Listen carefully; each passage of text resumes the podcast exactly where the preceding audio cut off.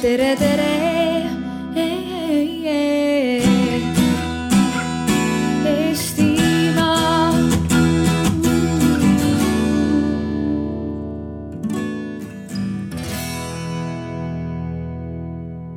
Tulemast Paidesse kõigile, kes äh, on varem Arvamusfestivalil käinud ja kõigile, kes ei ole. ja kuna ma tean, et meil lava peal olijatest vähemalt üks on siin esimest korda täna, Mart Normet, ütles, et ta pole käinud ei laval ega isegi telgis ega üldse Paideski võib-olla. ma olen olnud väga skeptiline selle formaadi suhtes, nii et äh, nüüd siis Telia telgis oh, algab mul uus elu. väga tore. Tegelikult võiks teha, vaadata publikust ka, tõstke käed püsti, kes on esimest korda Arvamusfestivalil. üks, kaks, kolm, kolm neli., aa, ikka tuleb. minu partei. näed, nii et äh, me alustame siis oma diskussiooni meedia tulevikust. minu nimi on Henrik Roonemaa, ma juhin, juhin seda vestlust ja kuna ma olen meedia valdkonnas ma ei tea, kakskümmend aastat juba olnud, siis võib-olla mul on endal ka mõni mõte, et pelgalt mitte ei juhi seda. aga nagu öeldud, Mart Normet, Karl Atton ja, ja Raul ka meiega, nii et üks tool on tühi, nagu te näete, või isegi kaks, meil pidi olema siin Ingrid Peek, aga ta kahjuks sai kohutava kõripõletiku ja ta ütles, et tal ei ole häält. elu kakskümmend neli on millest kirjutada. Vikerraadio peatoimetajal on kohutav kõripõletik. jah, ja tal on kohutav kõripõletik ja seetõttu ta ei saanud siia tulla. aga järgmised siis poolteist tundi, poole kaheni me katsume arutada siis selle üle, et mis meedias toimub ja, ja kas meedia tulevik on äh, kuidagi teistsugune, kui ta on olevik, ja kas see olevik on kuidagi teistsugune, kui oli minevik ja kas me peaksime olema mures või ootusärevil või rõõmsad või kas kõik on hästi või halvasti. ma tegelikult võib-olla tahaksingi selle küsimusega alustada, et äh, öeldakse ju nagu, või kui sa loed lehti või loed poliitikute sõnavõtte või, või käid avatud kõrvade ja silmadega ringi, siis kuidagi selline teadmine on nagu ühiskonnas, et meedias on asjad praegu väga halvasti, et mingi õudne jama on. Kas, kas see on lihtsalt selline mingi kuri konstant või on teil tunne, et tegelikult on ikkagi mingi nagu jama, et, et me oleme kas kuristiku ääre peal või sealt juba alla kukkunud? kes tahab, Mart, sa istud mu, sa oled esimest korda Arvamusfestivalil, sa saad sõna. aitäh. ja ma käisin ka ajakirjanduse osakonnas, see on siis akadeemia journalistika peegli õpilased ja õpilaste õpilased, siis konverentsil, mis oli siis Juhan Peegli sajandaks juubeliks pühendatud konverents ja seal jäi täpselt sama asi kõle, kõlama. et mingi jama on? et asi on väga halb, jah mina ise sellele alla ei kirjuta, sest et meil on nüüd ju võimalik valida, mida sa tarbid. ja sa ei pea tarbima kõike seda, mis, mida meedia pakub. Ja ma arvan, et nii lihtne see ongi, et tegelikult on kvaliteeti sama palju kui varem, lihtsalt osad asjad, mida varem ei nimetatud meediaks, on nüüd nagu meedia osad, just see meelelahutuse pool ja, ja, ja kõik need need uued võimalused, mis tõesti ei ole klassikaliselt ajakirjandus või massimeedia olnud, nii et kui, kui seda mitte arvestada, siis me elame ju väga puhtas maailmas. Karl? eks see ilmselt sõltub natuke sellest, et kas sa oled niisugune klaas on pooltäis või pooltühi inimene, on ju. mingi jama kindlasti siin on ja üks suuremaid ja noh, olulisemaid asju, mida ilmselt kõik ka täheldanud ja märganud on, on on muidugi see, et, et see võltsuudiste või fake news'ide osakaal on hüppeliselt suurenenud, on ju.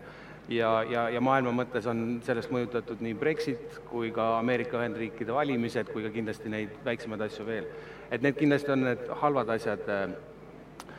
aga muidu ma arvan, see vist natuke sõltub sellest jah, et mis tüüpi ettevõttes sa töötad, et kui, või kus nii-öelda noh, valdkonnas oled, on ju, et et teil on kõik hästi, ma saan aru ähm, meedia vaates on jah, praegu, meedia vaates on. et, et, et aga et see põhimõte, mis ma öelda tahtsin, on see, et et kui sa oledki sellises jah, traditsioonilises vanas ajalehes meedias, seal on kindlasti raske. et see on muutumas sealt niisugusest rohkem võib-olla sotsiaalmeediakanalite ja sinnakanti ja nendel ettevõtetel läheb täna tegelikult väga hästi.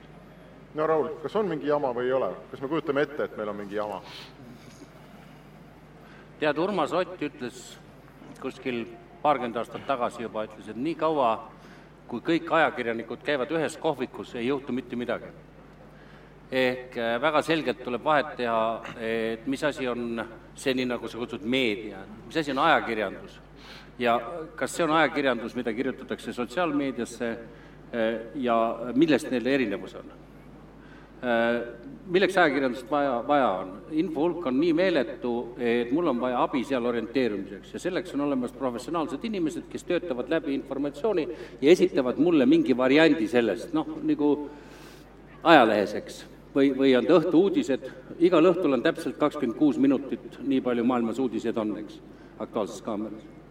Ja siis on olemas meeletu info hulk, mida me toodame ise, noh, niinimetatud sotsiaalmeedia ja see on tõepoolest kasvanud viieteistkümne, paarikümne aasta jooksul seoses sotsiaalmeedia kasvuga internetiga nii meeletult palju, et seal orienteerimine on praktiliselt võimatu.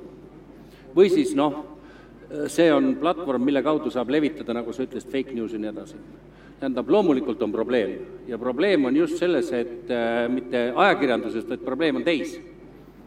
Te ei tee vahet nendel kahel asjal oota, teis, sa mõtled inimest? jaa, inimesi, meis, meis. aa, need lollid kuulajad, kes siin Jaa, istuvad need- ja, ja. et ei tee vahet kahel asjal. et paljud inimesed võtavad seda, mis on toodetud, noh, lihtsalt lõbu pärast, mingid blogajad ja nii edasi, seal võib olla väga väärtuslikku infot. aga äh, ma arvan, et kui me räägime tulevikust, siis vajadus teatud elanikkonnagrupil saada autentset, noh, nii-öelda vähegi tõepärast informatsiooni, ega see ei kao kuskile ja toimub seesama protsess, mis on alati toimunud, lollid jäävad lollimaks, targemad saavad targemaks. nii lihtne see ongi. ja see lõpeb millega siis? rikkad saavad rikkamaks, vaesed jäävad vaesemaks. täpselt sama, nagu ta kogu aeg on toimunud. ma olen ka mõelnud, et meil on olnud selline nagu ettekujutus või unistus, on ju, et äh, või vale arusaam minevikust, et, et kunagi oli ilus aeg, kui kõik inimesed lugesid kvaliteetseid poliitilisi debatte ja, ja jälgisid noh, selliseid kvaliteetselt kirjutatud erapooletuid arvamusavaldusi ja, ja need valija otsused, mida ta näiteks valimiskasti juures tegi või oma igapäevases elus, et need olid kaalutletud ja targad, ja nüüd on meil äh, võltsuudised ja, ja, ja igasugust kollast pahna kõik kohad täis, et meie ühiskond on ära rikutud kuidagi sellega.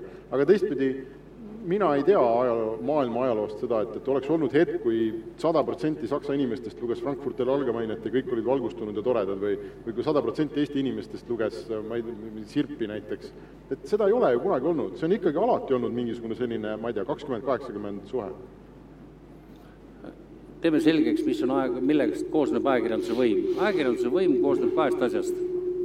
valida maailmas toimub miljon asja samal ajahetkel, ka siin toimub arvamusvestlemine, seal toimub midagi ja seal torni otsas toimub midagi. ajakirjanikul on õigus valida, ütleb, ta annab sellele, ma võtan selle, mulle meeldib näiteks see keskkond siin. ta valib välja lehtede esikaaned moodustuvad viis-kuus asja, aga üks peauudis võib-olla on üksainukene, see on valikuvõimalus. vabas ajakirjanduses valikuvõimalus on erakordselt tähtis. teine võimalus, mis annab võimu, on tähenduse omistamine või andmine mul on õigus öelda, et äh, need suurepärased Telia toolid siin või need on väga head ja ülimalt mugavad, näe, siin härrasmees istub ja noh, mõnuleb ilmselt, eks. aga teine võimalus mul on öelda, et kes see loll valis välja niisugused kohutavad toolid, kus sa upud sisse, eks ole. Need on kaks erinevat tähendust ja need lähevad võitlusesse kui võtta ajakirjanduselt ära need kaks õigust, valik ja tähenduse omistamine, siis enam ei ole vaba ajakirjandust, siis on mingi muu asi, mis on mingite tähenduste tootmine. ja seepärast äh, ma võin olla tohutult mitte nõus selle kahe põhimõttega, et valiti ju vale asi, eks ole, miks nad räägivad, et, et kits uppus järve, aga selle asemel on, toimus arvamusfestival, eks.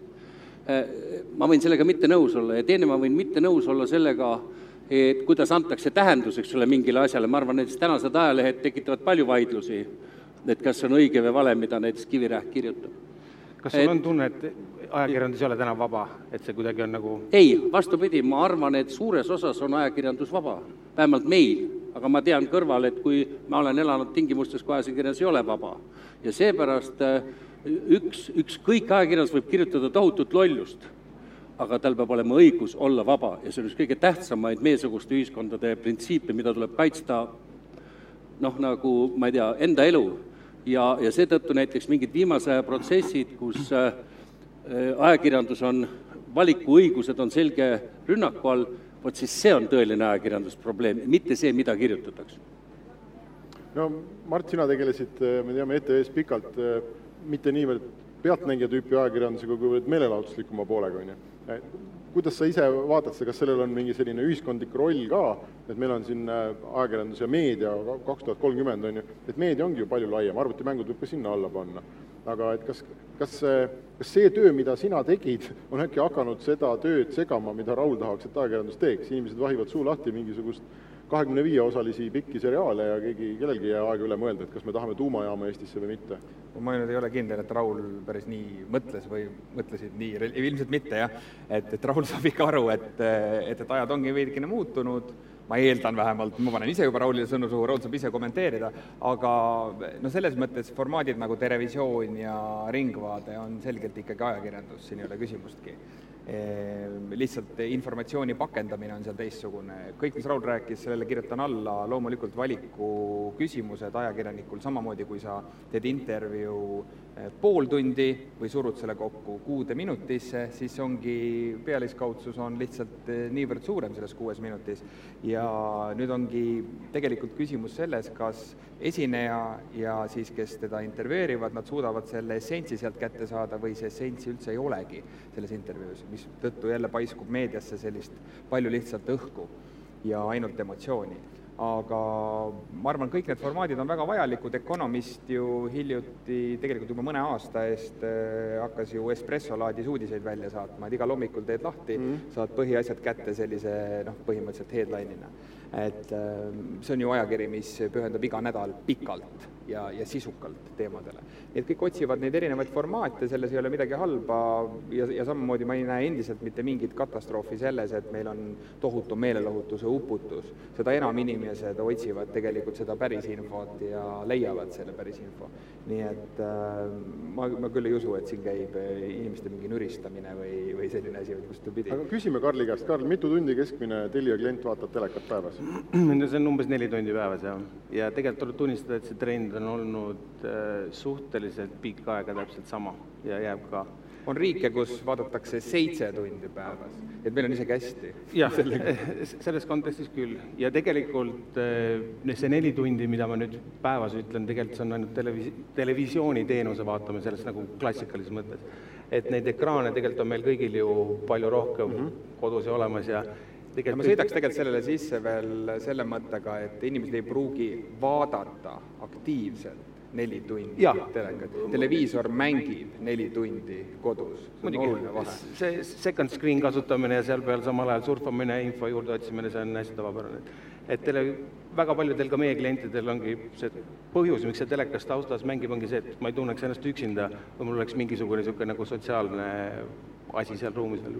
aga palju meil ekraaniaega üldse päevas on, ma hakkasin mõtlema, et ma niimoodi puusalt tulistades ütleks, et et nutitelefoni vahtimise aeg päevas on palju, kuskil paari tunni juures äkki?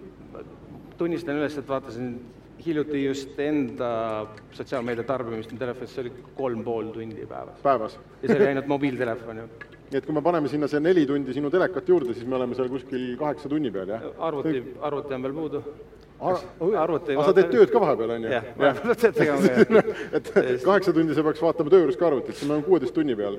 noh, ma päris kaheksa tundi ei vaata võib-olla, lihtsalt töö iseloom on selline, aga, aga ma kusjuures arvan, et ta väga palju sealt väiksem ei tule tegelikult, jah. et see aeg, mis me oleme üleval, siis paljud meist vaatavad ühte, teist, kolmandat ja neljandat ekraani. Võib-olla mõni, mõni mängib PlayStationiga veel ka paar tundi, jah? kindlasti. aga see on ju päris kohutav. või te ei näe selles probleemi või et kus see aeg on siis, kus inimesed, ma ei tea, puhkavad, taastuvad, suhtlevad? ega mis see oluline asi on nagu see, et mida sa seal vaatad ja mida sa selle informatsiooniga teed ja et kui sa võib-olla tõesti selle kuusteist tundi päevas seal lihtsalt Instagramis oled ja likee influencerite vajutad, siis võib-olla see ei ole kõige sisulisem tegevus. Aga tänapäeval on ju saadaval kõik ülikooli loengud, mis iganes muud asjad. no jaa, aga arvamusfestival. arvamusfestival, täpselt okei okay,, teeme testi, ma tõstan käed üles. kellel on Instagrami või Facebooki konto ja kes vaatavad sinna enam-vähem iga päev? käed püsti. okei okay.? kellel ei ole? ei, oota, oota, nüüd me küsime, kes teist on viimase kahe nädala jooksul vaadanud mõnda ülikooli loengut internetist?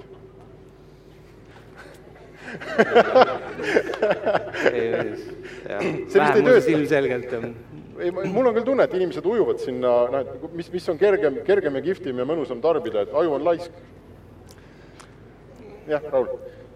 teate, teeme ühe asja selgeks, räägime selle meelelahutuse asja selgeks. et muidu võib jääda mulje, et noh, siin on inimene, eks ole, põrguväravatest tuli meie juurde. ei ole niimoodi. meelelahutusega tegelete te kõik. Meelelahutus on äärmiselt oluline osa teie igapäevaelust ja keskeltläbi kaheks kolmeks tunniks igaüks teist, tahate või ei taha, põgenete ära reaalsuse eest, seda kutsutakse meelelahutuseks ja et tee tööd ja näe vaeva, siis tuleb armastus, jah, nii on, aga põhimõtteliselt kas te jooksete, kas te vaatate telekat, kas te käite kunstinäitusel, kas te jalutate, te lähete ära. ja äh, see on ülioluline osa meie igapäevasest tegevusest ja seetõttu alahinnata näiteks meelelahutusprogrammide osakaaluga televisioonis, see on lihtsalt ebaprofessionaalne me peame tarvitama lausa sellist terminit, mille nimi, ma olen ise selle Eestisse toonud, mille nimi on rahvuslik meelelahutusvõimekus.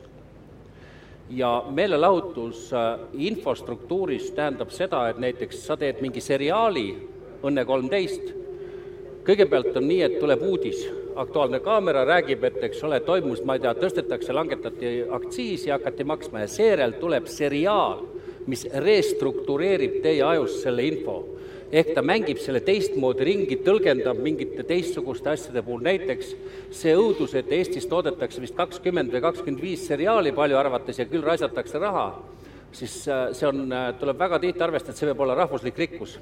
näiteks ukrainlased, kui nad kuulsid, et meil on nii suur hulk ja noh, neil on ju pööraselt suur rikas riik, siis nad kadestasid, aga tegelikult nad tulevad ka kiiresti järele, toodavad uut.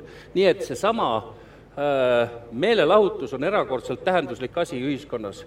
Ja, ja alahindamine on väga ebaprofessionaalne, kui ma teinekord kuulen Riigikogus inimesi, et teeme niisugused telekanalid, kus ühes näidatakse klassikalist muusikat ja teises meelelahutust, siis no ütleme niimoodi, et sorry, ebaprofessionaalne aga siis meil ei ole ju midagi väga viriseda ka selle üle näiteks, et meie äh, kaks põhilist suurt uudisteportaali on sellised, kus väga tõsised teemad äh, kellegi rinnehoidja probleemidega on läbisegi.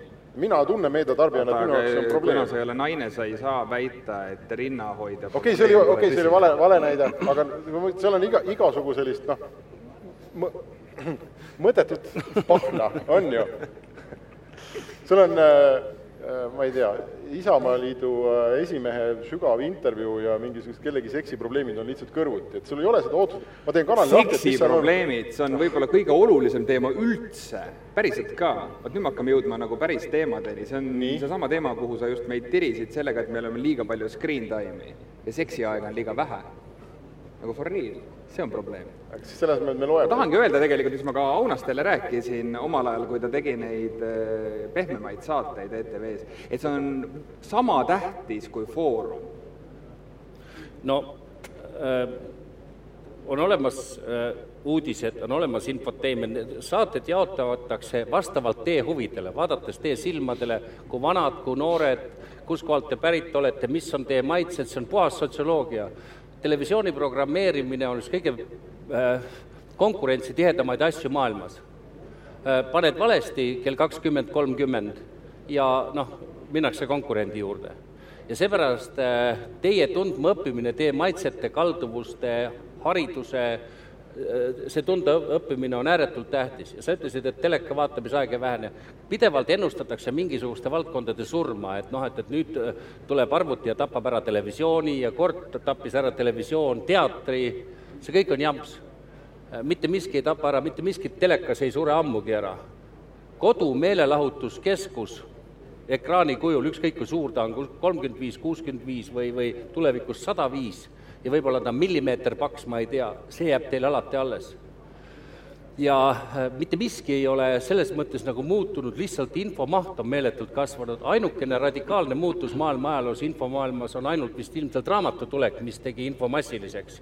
kõik muu lihtsalt täiendab, kaasa arvatud telekas, raadio, internet. okei okay,, ma olen nõus, valiku küsimus. aga mind, mind näiteks ta-, jah paberväljaanded on kahjuks olemas, et, et enne siia tulekut just vaatasin, et kui palju oli Postimehe tiraaž kümme aastat tagasi ja see oli kuuskümmend pluss tuhat ja täna ta on praktiliselt poole vähem. et kui selle nii-öelda diskussiooni teema on kak-, et milline on meedia kakskümmend kolmkümmend, siis üks niisugune julge järeldus siit võiks olla see, et seda paberrajalehte sellisel kujul enam ei eksisteeri. või ta on muutunud väga-väga nišitooteks nagu vinüülplaadid täna. tõenäoliselt, aga kas, kas, kas ma olen siis selle tundega üksi kolleegid laval, et et minu jaoks on seda kõike liiga palju. ma võtan Eesti uudisteportaali lahti, ma peast ei tea, aga ma, ma hindan, et seal toodetakse mõnisada üksust päevas, mõnisada artiklit päevas kindlasti. võib-olla rohkem, on ju. et ja kui ma võtan sinna kõrvale, ma ei tea, teleka ja sotsiaalmeedia ja Twitter, eks ole, et siis see ühikute hulk, mida ma päevas läbi kammin, kas või otsusega, et kas ma loen või ei loe, pealkirjade hulk, mida ma loen, see on, ma arvan, võib-olla tuhandetes või noh, kindlasti, kindlasti on ta sadades. Ma pean tegema iga päev mitusada otsust, kas ma sellesse valdkonda, sellesse artiklisse süvenen või ei süvene, ma kogu aeg lahterdan. jah ah., ja sa piirad praegu tegelikult väga palju sellega, et, et sa keskendud ainult Eesti väljaannetele.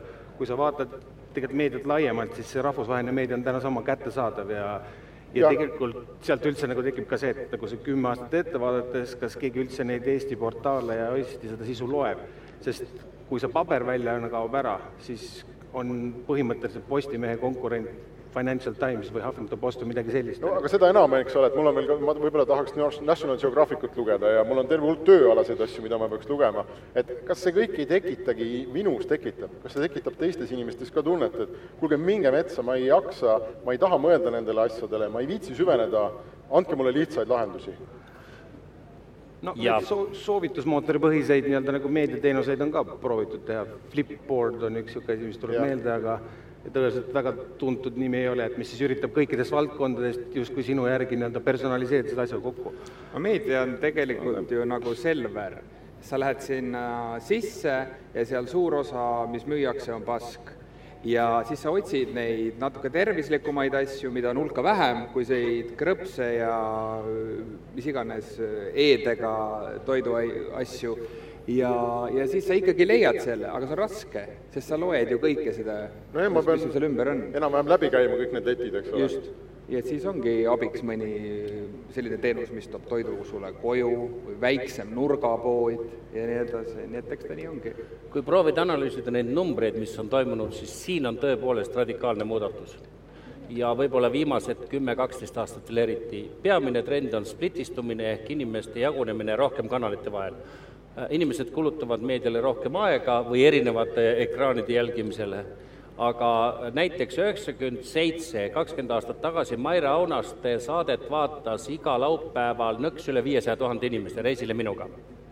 kolmekümne neljas ETV saade, kaasa arvatud Osoon, oli üle kahesaja tuhande, kolmkümmend neli saadet oli üle kahesaja tuhande. Äh, siis täna on niimoodi, et umbes viis, äh, sada tuhat on väga kõva presidendi vastuvõtt äh, Eurovisioon ja need saavad üle kolmesaja tuhande ja paar spetsialitit veel, nii, kõik. mis tähendab seda, et vaataskond on splitistunud, te ise, eks ole, teete äh, õhtul valikuid niimoodi nuppudega ja toimub nähtus nimega infokogukonnastumine, ehk te ronite oma väikestesse mullidesse, kes vaatab telekat, kes istub internetis ja inimesed kondavad mööda Facebooki ja otsivad endasuguseid seal. Äh, ja siis jääte enda vahel, noh, kes seal on MMS, kellel on mingi muu värk, ja, ja need grupid on üsna tugevate seintega, ega inimesed ei taha nendest loobuda väga hästi. Ja see on suur probleem, mis tähendab seda, et need väiksed grupid muutuvad tohutult palju rohkem manipuleeritavateks.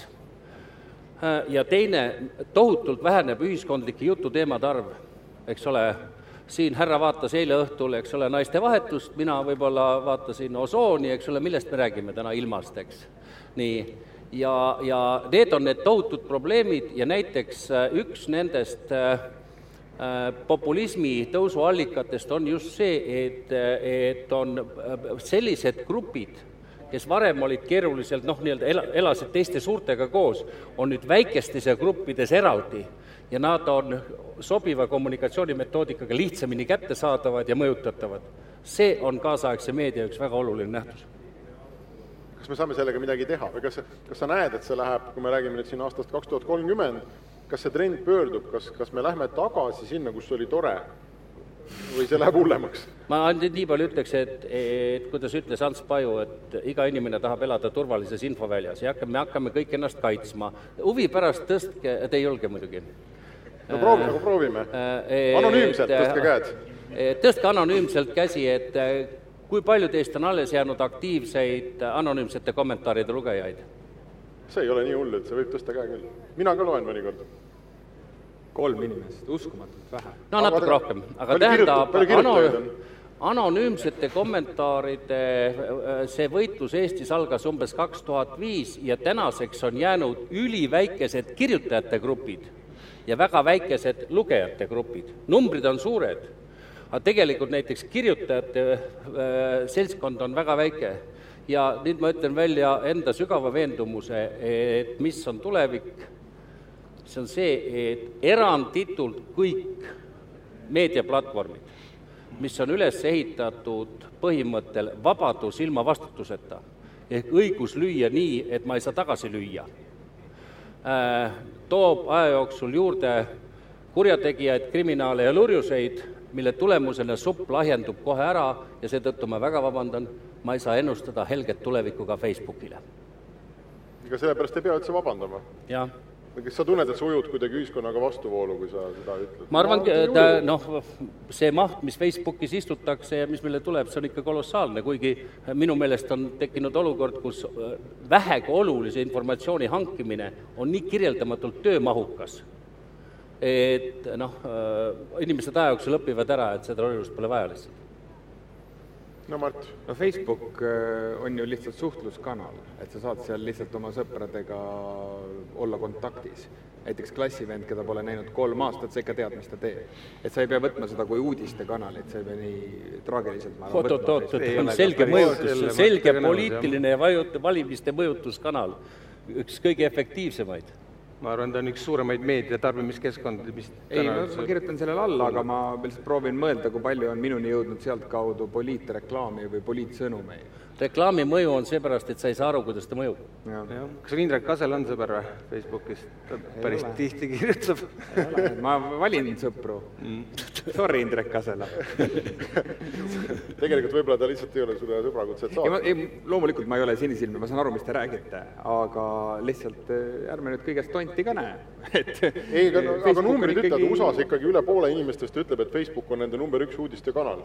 ja selles mõttes ju, ma olen Rauliga absoluutselt nõus, et on probleem, kui me ei tea ainult, meil on väga mõjukas kast, kuidas see kast oma otsuseid teeb, kuidas need algoritmid seal töötavad, mida sulle näidatakse, kes saab keda mõjutada. Ül- üldse ei vaidlusta. ma ka ei, mina ka ei usu, et see saab niimoodi edasi toimuda. mul on lihtsalt tohutult hea meel olla kontaktis inimestega, kellega ma ei saa iga päev Tallinnas kontaktis olla läbi Facebooki. mul on väga hea meel aga selle see funktsioon kindlasti mingisugusele teenusele kusagil jääb ju, on ju. kas keegi teist on kuulnud niisuguse toreda linna nimi Ameerikas nagu Steubenville? Ei ole? Teil on olemas äh, need äh, väiksed aparaadid, kirjutage sinna sisse. ja ste-, äh, sellest on tehtud nüüd dokfilme ka, Steubenville on lugu, kus on niisugune väga tore väike linnake, kaheksateist tuhat elanikku, enne seda oli ta kuulus seetõttu, et seal on sündinud Dean Martin, mis on siis noh, nii, või elanud seal.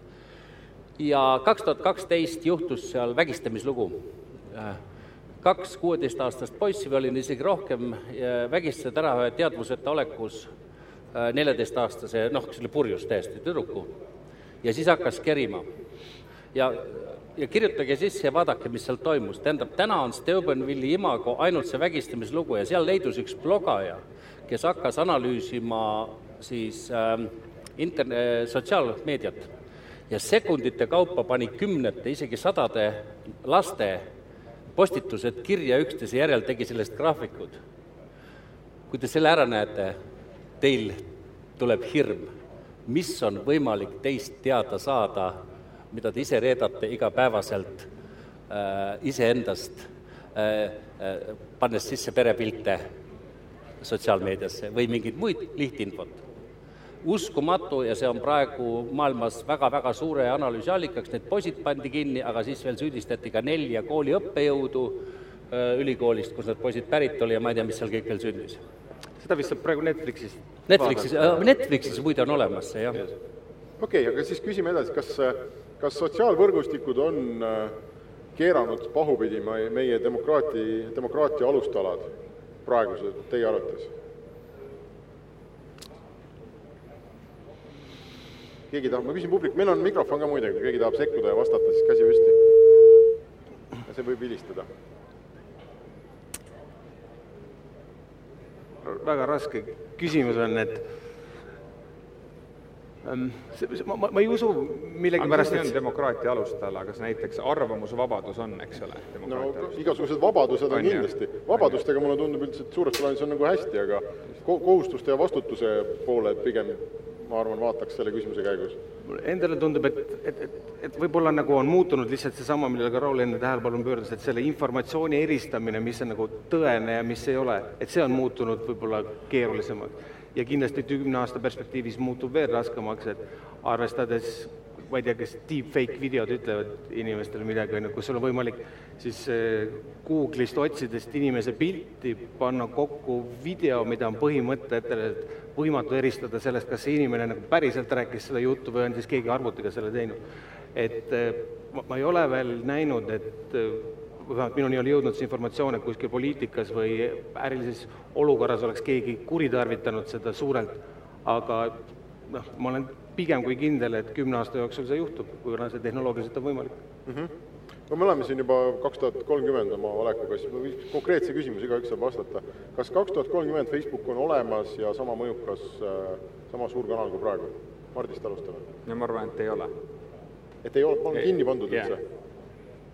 kas sa sellepärast arvad, et siin rahvast üles keerata või sa päriselt arvad? ei no samal põhjusel, et tegelikult äh, nad äh, noh, ongi eksiteele läinud, selles mõttes, et tegu oli originaalis sellega, milleks mina seda kõige rohkem pruugin, ehk siis olla oma klassivendadega kontaktis, eks ole, see oli nagu Facebooki mõte, mitte et ta on uudistekanal. aga, aga ilmselt see noh, üldse see tehnoloogia reguleerimine ilmselt nüüd seisab ees Äh, ja, ja saab näha, kuhu see välja viib, kõigepealt Facebook maksab oma miljardites äh, ulatuvad trahvid ära ja siis on näha, kui palju neid kinni keeratakse ja mis saama hakkab.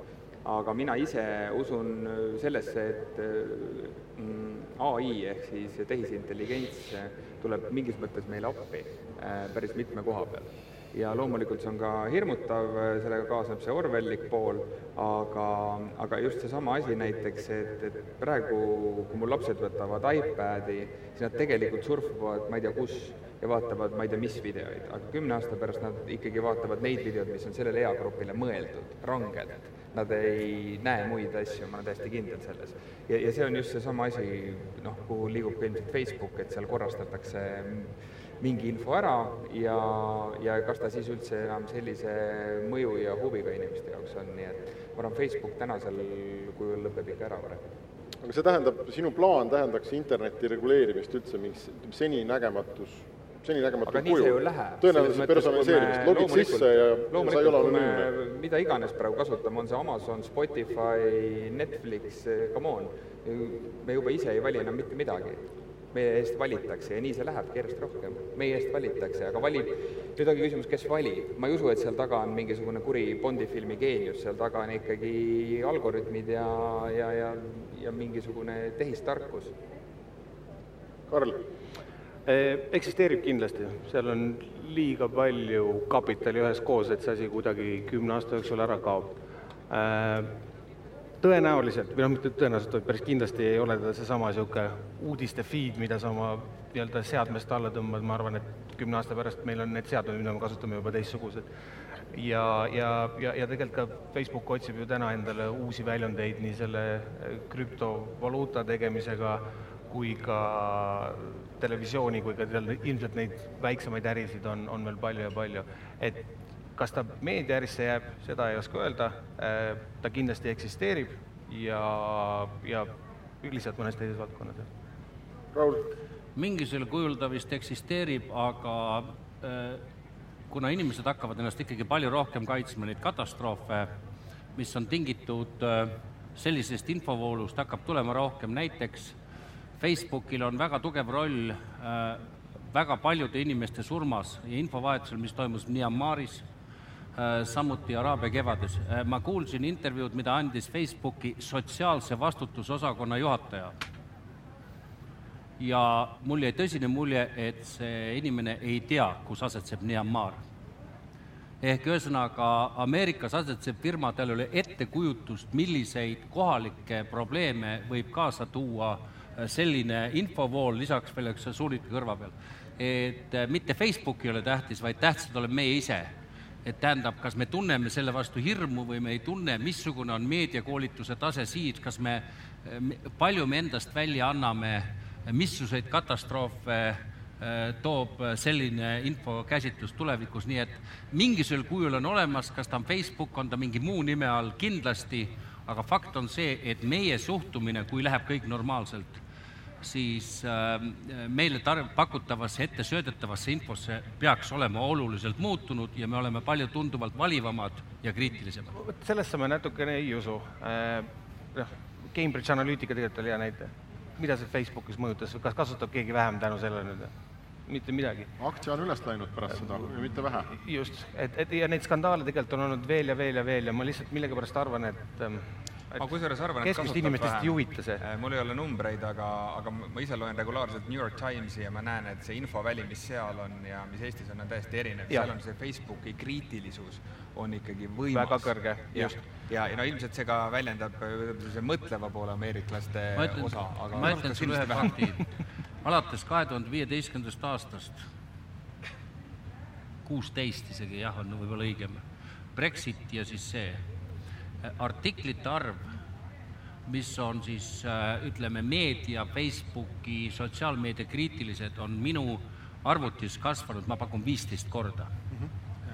ja nendest ütleme niimoodi, väga suur osa väärivad lugemist, millest ma ise jõuan võib-olla promilli läbi lugeda. see ei ole mitte suurenemine, see on plahvatus. kuhu ta välja viib, ma ei oska öelda no ja. just, et sellel tugineski minu optimism, et see Facebook lõpeb ära. ja kui palju tõusis Facebooki kasutajate arv eelmine aasta? kas tõusis või langes, ma peast ei tea. inimesi tuleb maailmas juurde ka kogu aeg. kas oli seitseteist protsenti või viisteist või seitseteist, mis ei ole nagu selle ettevõtte jaoks väga suur number, aga see ikkagi ta suureneb edasi. ehk siis mu nagu mõte on see, et, et need skandaalid ei võta võib-olla seda Facebooki maha, kuivõrd võtab mingisugune teine teenus, mis on mugavam kasutada, mis töötab paremini ja, ja kus ma saan selle info teistmoodi kätte et, et see on vähemalt mu enda tunnetus, et kui sa oled harjunud iga päev seda sinist klotsi seal vajutama ja alla lööma ja noh, et siit natuke datat läheb kaduma, tegelikult seda datat läheb igalt poolt kogu aeg kaduma ja, ja need eetilised valikud on ka niisugune väga küsitav, on ju. okei, aga ma sõnastan küsimuse ringi. kas mingi wow., sõnastan küsimuse ringi, pumm! Zuckerberg. Nad tulid kohale. jah. kas kümne aasta pärast mingi selline internetiteenus, kuhu igaüks võib pseudonüümselt, anonüümselt või registreerituna minna ja kirjutada ja üles panna mida tahes. kas on olemas või ei ole? kas internet äh. koosneb lõpuks ometi tõesaarekestest ja mitte sellest muust asjast, nagu kui meil on ettekujutus, et kirjutan, mida tahan Facebooki, kirjutan, mida tahan äh, anonüümsesse kommentaari, mitte kirjutan, mida tahan, täpselt samuti oli Soomes.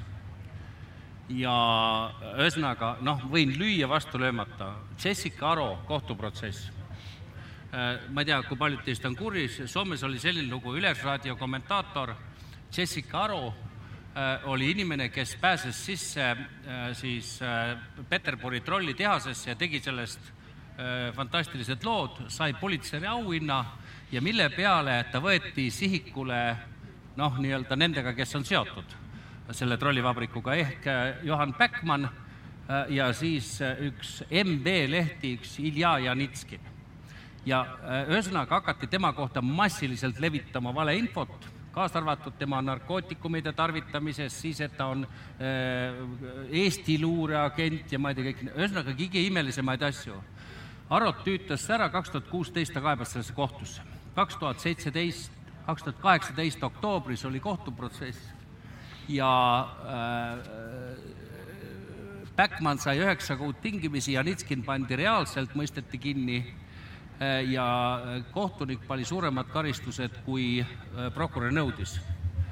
minu meelest oleme me lähedal protsessile, kus hästi paljud inimesed uurivad võimalust valeinfo, isegi kui ta on anonüümses kommentaaris või Facebookis, kohtusse kaebamiseks Äh, praegu, kui näiteks halastamatult tarvitatakse ära inimeste nimesid, praktiliselt sa ei saa karistada näiteks äh, Bitcoini reklaamides. praegu kolm inimest, kes on vahele jäänud sellega, keda on täitsa noh, niimoodi alatamatult ära kasutatud, on siis äh, Tõnu Kaljuste, Erki Nool ja üleeilsest Gerd Kanter. oota, aga tehakse siis mida? mitte mida, see, ühesõnaga võetakse neid näiteks, äh, võetakse Kardi, Gerdiga on lihtne, pannakse pealkiri Gerd Kanter on arreteeritud, siis meelitatakse sind mingi kodulehega, aga Tõnu lehe, Tõnu Kaljustel oli palju hullem, olid pildid võetud, reaalsed pildid temast erinevate inimestega, siis pandud, kuidas Tõnu Kaljuste ostis ja rikkaks sai tänu selle ostmisele ja väga suur hulk inimesi kukkus sisse. ma võin sulle ühe nime lihtsalt juurde panna, Meelis Lao. Meelis Lao ka või? temale tehti sama asi ka. jah, ja Soomes on ka üks, nii et ühesõnaga meie endi kaitse, et me hakkame iseennast kaitsma selle sõnniku eest, muutub väga otsustavaks. ja me nõuame siis mingit regulatsiooni jah, jah. kinnipanemist Jah. põhimõtteliselt, jah? seepärast, et kui ma saan peksta niimoodi, et ma ei ole süüdi, must kohta kirjutatakse kurat teab midagi, mis on vale. proovi näiteks öelda, ma vaatasin, et äh, äh, siin oli Enn Eesmaa ütles kriitilise avalduse äh, äh, Madissoni selle holokausti asja kohta. lugege, mis ta kohta kirjutati. kommentaaridesse mõtled? Õnneks, nagu me saime aru, keegi ei loe neid. Ma, ma muide, ma ei mäleta, see oli mingi eelmine sarnane selline mingi ühiskondlik terav asi, kus äh, ma huvi pärast lugesin netikommentaare ja, ja siis ma lugesin neid ja mõtlesin, et püha jumal, kuidas on võimalik, et sellised, noh, et esiteks, et inimesed kirjutavad seda ja teiseks, et seda võib niimoodi netis avaldada. ja siis ma, ma ei mäleta, kas ma tegin oma Facebookis vist üleskutse, et tõenäoliselt see lugejate, kirjutajate hulk ei ole väga suur, et portaalid sealt noh, tõenäoliselt mingit väga suurt raha ei teeni, et me võiks panna hoo endasse püsti projekti, et lihtsalt hüvitame selle kulu Delfile ja Postimehele. pangu kinni see kommentaarium ja mis iganes nüüd saamata jääb, öelgu välja, kogume rahva käest raha kokku, õhk on puhtam. ja siis äh, aga no ma sain äh, väga suure kriitika ja sellise ilkumise osaliseks. kus siis eh, inimesed oma viha välja elavad, mingid poksiklubi, klubid tuleb asutada või? no neid on juba olemas niigi. no on neid piisavalt aga ma tegelikult ma võin sinu käest nüüd küsida, kas sina usud, Mart, et mingi selline, on ta Facebook või 4chan või 8chan või Reddit või mis iganes, mingi koht, kuhu võib minna ja kirjutada kogu maailmale nägemiseks, mida iganes sa tahad, on olemas kümne aasta pärast või ei ole? anonüümselt või? jah. ja nojah, anonüümselt on kõvem ikkagi kui kõigi registreeritud. ma ei tea, ma ei, mul ei ole fakte tulevikust. ma tõesti ei tea. ei no Facebooki kohta sa ütlesid, et seda tõenäoliselt ei ole. no, aga ega see, mingit ei, see on lihtsalt praegune protsess, et, et seda ei ole. Aga ma, ei kujuta ette, no selles mõttes, et kui ta on kuidagi, no nagu Raul ütles, et kui, kui ta kuidagi ei riiva inimesi ja kui ta ei ole nii laialt kättesaadav, ilmselt mingisugused väiksed grupikesed ja foorumid, no need on igal pool, eks ole, jäävad, jäävad alles. sellised otseses mõttes peldikuseinad. et praegu, kui me oleme Delfit võrrelnud peldikuseinaga, see peldik on olnud kuidagi nagu liiga suur. mitte enam miljoni dollari peldik, vaid selline ikka, ikka palju suurem.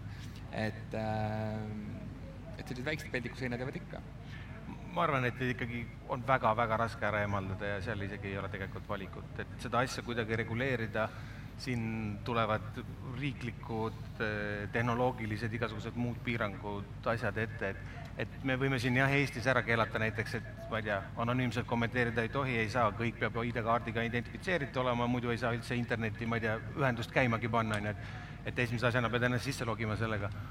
aga siis tekib kohe kuskil mingisugune alternatiivne võrk ja nii edasi, et, et see anonüümsus kindlasti jääb ja, ja ma usun, et ta jääb ka sellesse peavoolu. aga no põhimõtteliselt on ju võimalik, et ülemaailmne anonüümne internet ja anonüümselt internetis käimine kui selline lõpeb ära. ikka. noh, ütleme jah, et tehniliselt on võimalik, aga siis ma lihtsalt arvan, et tekib uus internet sinna kõrvale kohe, mis on anonüümne aga ta ei ja... pruugi olla peavool, nagu sa ütlesid, et siin ongi minu arust põhiküsimus selles, et see peldikusein on praegu peavoolu küljes. see, seda kindlasti pigem, ma arvan, kahjuks määrab ära, kuidas see kapital liigub, on ju. et eh, kui New York Timesil õnnestub rohkem eh, tulu teenida sellest anonüümsest internetist kui registreeritud internetist, siis liigub peavool sinna. ja ma arvan, et see kahjuks nii lihtne ongi. no kumb tehakse enne ära, kas USA-s keelatakse relvad või tehakse internet mitteanonüümseks? see on ju sama debatt, lihtsalt ühel pool on poliitiline üks pool, teisel pool poliitiline teine pool. Ei tea. internetti on lihtsam näppida, relvaseadus on vanem et äh, ilmselt siis internet tehakse varem. ja ma vist pigem kipun sinuga nõustuma, et niimoodi on. väga paljud grupid on ju kasulikud. näiteks kui mul oleks praegu vaja teada, et kas äh, panna, ma ei tea äh,, juurvilja piimasuppi sisse praetud sibulat või mitte panna, ma kirjutan selle sisse, kas kellelgi on hea nõuanne, ma arvan, saan kakskümmend arvamust varsti. ja need on ülikasulikud värgid, et äh, kus ma saan, eks ole, raamatut äh, Jaan Karust, eks Äh, sellised grupid jäävad, aga äh, me ei arvesta ühte poliitilist aspekti. Wake up call Ameerikas oli alles Brexit. mitte Brexit, vaid Trumpi valimine. Inglismaal oli Brexit. Inglismaal Brexit. poliitiline äh,, poliitilised liidrid täna kuna meediahariduse tase on väga madal, nad ei saa tänavarohtudest aru, aga kui nad reaalselt saavad aru näiteks seda, et mingite viguritega on mõjutatud valimistulemusi noh, äärmiselt tugevalt, psühholoogiliselt, sümbol- ja alateadvuse tasandil, siis äh, hakkavad poliitikud tõmblema. täna see teadmus on veel erakordselt madal, pole näinud, ei usu, noh, ja, ja, ja noh, meil praegugi Eestis see debati tasand, mis puudutab näiteks e-valimisi ja nii edasi, noh, sa ju tead selle tasandit, eks ole. et minna luubiga vaatama ja kruvikeerajaga äkki saab kuidagi teada midagi. siis see kindlasti saab olema otsustav tegur ja näiteks praegu viimaste aastate jooksul on ilmunud silmatorkavaid analüüse, üks nendest oli Cambridge Analytica siis ja teine oli siis, mis tõlgiti ka eesti keelde, soovitan tungivalt lugeda, on mis ta nimi oli, Finkelsteini valem, see oli see, kuidas demoniseeriti ära psühholoogiliste meetoditega Soros, eks, äh, äh, poliitilise tellimusena. ja kui neid asju hakkab väga palju tulema, küll tuleb hirm nahka, küll hakatakse tõmblema. ma väga tahaks teada, mis meie publik arvab selle kohta, mina ise ei oska ka nagu valida poolt ja tundub, et laval on ka väga erinevad seisukohad, et kas kümne aasta pärast on A, Facebook alles ja B, anonüümne internet alles või pannakse kinni, et kui kellelgi on vähegi soovi, palun tõstke käsi püsti, saaks diskussiooni laiemaks. kus mikrofon liigub? mikrofon. no nii. Äh, ma võin rääkida näite või mitte näite, vaid lihtsalt fakte oma eelmisest elust, mis võib-olla kergelt riivavad kogu seda teemat. ehk siis mina hakkasin reklaami tegema millalgi üheksakümnendate alguses, mis siis on kakskümmend viis aastat tagasi. ja ma mäletan siis ühte sellist arvu, et iga inimene sai keskmiselt päevas umbes kolm tuhat ettepanekut teha mingit äri, jätta kuhugi oma raha, osta midagi või toimetada. tänapäeval on see arv jõudnud, vist oli kaheksateistkümne tuhandeni. aga nõustumiste arv on oluliselt väiksemaks läinud, ehk siis nii-öelda minu isiklik arvamus on, et antud juhul jällegi evolutsioon on tulnud inimesele appi, et me siin räägime, kuidas tehnoloogia muutub, tegelikult inimene muutub ja peamine asi, mis inimesega on juhtunud, on see, et ta on õppinud ei ütlema. ehk siis nii-öelda, kui kunagi tehti talle kolm tuhat ettepanekut äri teha ja ta umbes kümnele protsendile ütles jah, siis tänapäeval tehakse talle umbes paarkümmend tuhat ja ta ütleb nendest ainult sajakonnale jah, ja need peavad siis ka olema midagi sellist, kus sõber soovitab. Ehk siis nii-öelda minu isiklik arvamus on, et meid päästab äh, evolutsioon ja meie oskus õppida ei ütle, noh, nii nagu sa ise ütled, et sa teed uudistekanali lahti ja enamus, mida sa teed, ütled ei, ma ei taha seda, ma ei taha seda. ja, ja, ja ma arvan, see päästab meid ja, ja päästabki sellisel moel, et noh, et kui kõik ütlevad ei, siis lõppude lõpuks jäävad need asjad, millele jah öeldakse ja, ja need on, kipuvad olema pigem sellised inimlikumad asjad, aga niikaua me peame lihtsalt kuidagi üle elama, nõrgemad saavad surma ja ja tugevamad äh, jäävad ellu selles äh, väikeses võitluses. kas nüüd äh, Facebook konkreetselt seal tugevamate pool on, mina kipuksin mitte nõustuma sellega, ma arvan, et tema on nii-öelda kahjuks sealpool, mis välja tuleb. on veel? Liitujaid, seal on üks kommentaar ma pean ütlema, et ma siia kaamera taha väga hästi ei näe, et kui seal on kellegi kommentaare, siis te peate ennast väga nähtavaks tegema või kuuldavaks. on küll. olen Rentu literaat ma tahaksin mõne sõna öelda nendest äh, anonüümsetest kommentaaridest. tegelikult ei ole sellest selja taga mustamisest mitte midagi uut. see on sama, sama vana kui inimkond on. ainult on uus see, et see on tehnilisel platvormil, uuel, uuel tehnilisel platvormil. Mina olen juba nii vana inimene ja olen hästi palju oma elus kohvikutes istunud, Vernenis, Pegasuses, Kukus ja nii edasi ja nii edasi ja ma tean väga hästi, mida inimese kohta, keda parajasti kohal ei olnud, räägiti. see, see, see, see, nüüd, nüüd on see ühesõnaga võib-olla veidike ropumalt, ole, oleneb kes kuidagi, nüüd on see siis internetis. ja ma leian, et selles on tegelikult üks hea positiivne külg sa mõtled, et sa oled kõige poolt armastatud, kõik teavad sinust lugu ja nii edasi, lähedki sinna Vereli kohvikusse, kus sind äh, minut aega tagasi klatsiti, kõik ütlevad sulle tere, austavad sind, needsamad klatsijad. aga nüüd tänu siis internetile on tekkinud võimalus, sa saad teada, mis teatud kildkond sinust tegelikult mõtleb. ja see, see on tõesti, vajab, ütleme nagu isiku tugevust, sellist isiksust, tugevat isiksust, et seda taluda. aga kes seda talub, see on, loeb neid ilmselt rõõmuga ja noh, suhtub teatud mitte erilise armastusega nendele sõimajatesse ja kes seda ei talu, see võib mitte lugeda. nii et ma arvan, et sellest oma pluss on nagu igal tehnilisel progressil kasvatab nahka, Raul, sa ma arvan, et sa tõid ühe ja väga olulise aspekti ehk auru väljalaskmise aspekti, aga on ka teisi aspekte. Äh, ja see puudutab võimalust anda edasi suunatult negatiivset informatsiooni, näiteks äh, sa saad, kirjutatakse, ma räägin ainult tõest sündinud lugusid, kirjutatakse ühe arsti kohta nimeliselt anonüümses kommentaaris, et äh, ta tegi mõrva, ta tegi valeravi. nii, ja mis siis nüüd teha? Äh, psühholoogiliselt on nii, et kui kaebad kohtusse, siis osa inimesi ütleb, kurat, kus suitsu seal tuld, ega ilmaasjata ikka ei kirjutata. ja tähendab, imagoloogiline kahju on tohutu.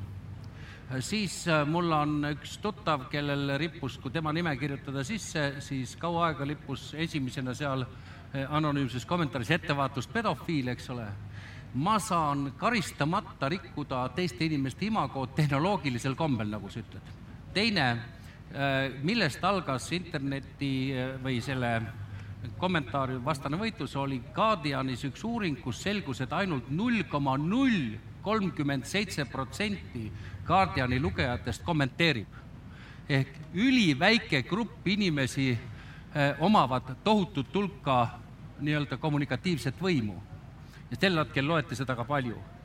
ja praegu ongi niimoodi, et kogu strateegia on olnud enamikes riikides, et need niisugused suured mõjutatavad poliitilised lükatakse väikestesse gruppidesse, kus neid on parem võimalik identifitseerida mm. -hmm. sest vastasel juhtumil võib sealt tulla kohutavat informatsiooni, mis võib mõne inimese elu rikkuda kõige pikemaks ajaks ja mõningatel igavesti.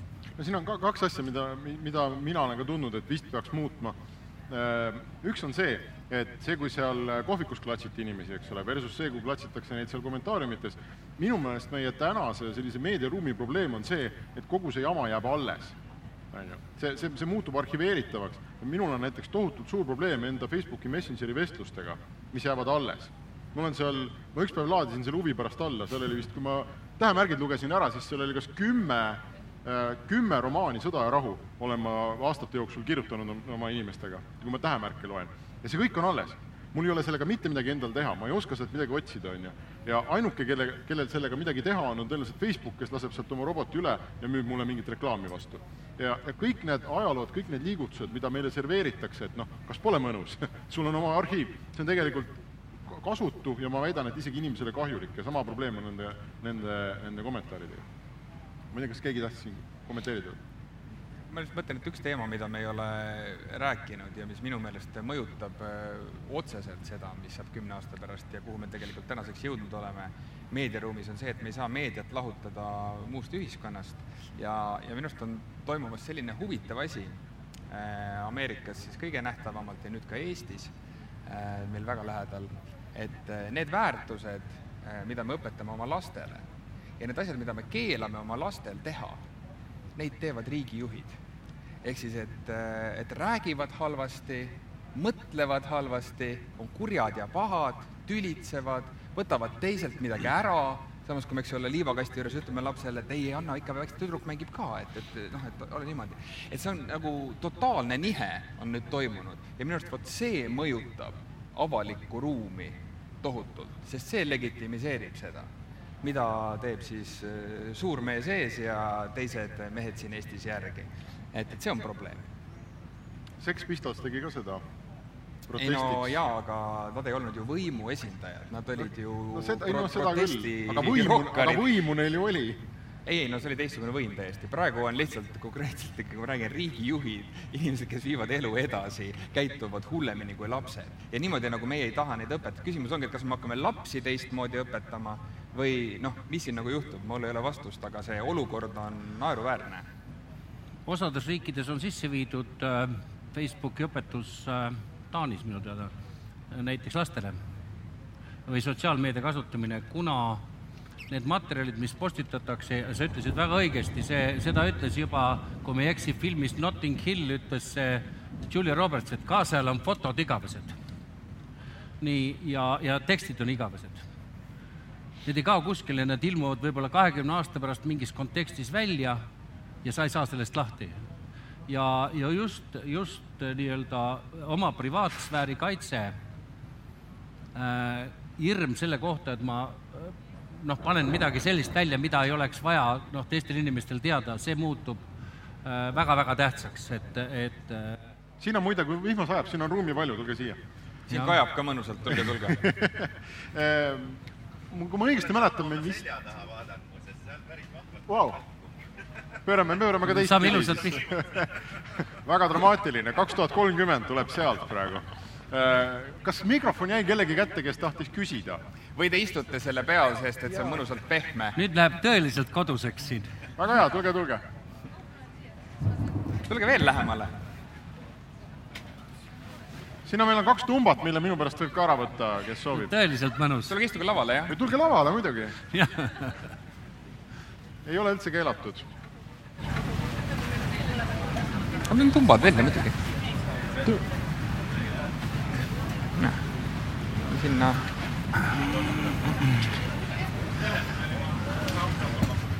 lubage, ma, ma, ma pean ütlema. me teeme nüüd sellise Vägagi. küsime, mitu inimest mahub ühe kotttooli peale super, täiesti sürr nagu film.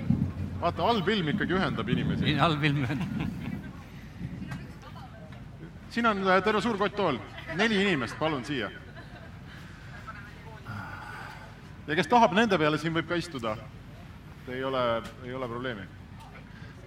ma peaksin ühe aspekti äkki seda võimendust saab siin sees nüüd võtta väiksemaks, siis kajab vähem, oh super, üle panin, oh kui hea. me peame karjuma üle vihma. olgu, lähme asja juurde. ma siiski ühe aspekti toon selle asja juures juurde, et äh, inimlik loomus ehk äh, saavutada edu konkurentsivõitluses teistega, võita, ma ei tea, kirjanduses, kunstis, spordis äh,, see ei ole kuskile kadunud, ega siis äh, psühholoogiast on see kõik täiesti selge ja nüüd on küsimus, et kas kaasaegne aeg ja kogu see internetitus, Facebookindus ja see aitab kaasa konkurentsivõitlusele, siis ma paraku pean tunnistama, et halb uudis.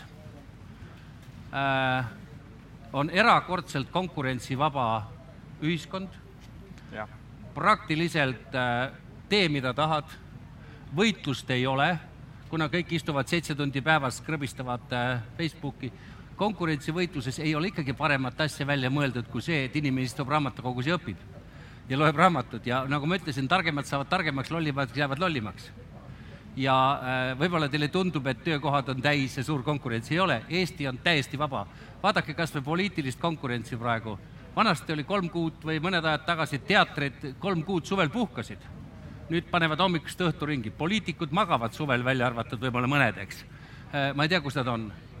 Äh, puhatakse täielikult, konkurents on väga nõrk ja Facebook, internet oma pealiskaudsusega või nagu ütles Philip Taylor, kõik kirjutavad, keegi ei loe, siis, siis see on loonud äh, hästi madala konkurentsitasemega ühiskonna, nii et palun, see on teie oma, see läheb natukene mingis mõttes niisuguse, ma ei tea, kaasaegse või erineva juhtimisteooriaga nagu vastuollu. et äh, sult ühelt poolt on nagu et kuidas juhid, kas juhid piitsa või präänikuga, et kas see, kui nagu kõik on hästi nagu pingesse ja hästi nagu tugevasse kramplikku olukorda suhet, surutud, nagu toodab paremaid tulemusi, või ongi see, et eh, kõik on rahulik, ma ei pea selliste nagu baasasjade pärast muretsema, loomulikult eh, sul tekib sinna mingisugune kiht neid inimesi, kes nii-öelda lihtsalt mitte midagi ei tee, aga, aga samas ka kõikidel on võimalused nende uute ägedate asjadega sealt kohe automaatselt edasi tegeleda. kuule, see on täielik fun, mis praegu. Mart, sa ei ole varem Arvamusfestivalil käinud, aga see ei ole iga on aasta seda varem ei ole siin minuga, minuga ei ole juhtunud, et telk tahab mulle pähe vajuda lihtsalt äh,. nii, kas me lähme nüüd selle inimese küsimuse juurde, kes Jaa. juba kakskümmend minutit ootab oma järge. kus sa oled, palun? kiire kommentaar Facebooki kohta, et äh, kuigi ma olen nõus Karli väitega, et Facebook ei taha kuhugi erastama kapitalifonni ja ma näen, et tal on oma funktsioon täiesti olemas kümne aasta pärast, siiski sain tuttavaks Discordi kaudu ühe ing- inglasest programmeerijaga ja tema rääkis seda, et tema äri on siis selline, millest ta väga palju ei tahtnud rääkida, aga äri on siis suures pildis selline, et ta loob äh, mitte kümnete, vaid sadade kaupa võltskontosid, mis näevad väga usutavad välja. Neil on oma perekond olemas, oma vanavanemad, oma töö, seda on küll võimalik järgi kontrollida, aga enam inimesed ei viitsi seda teha.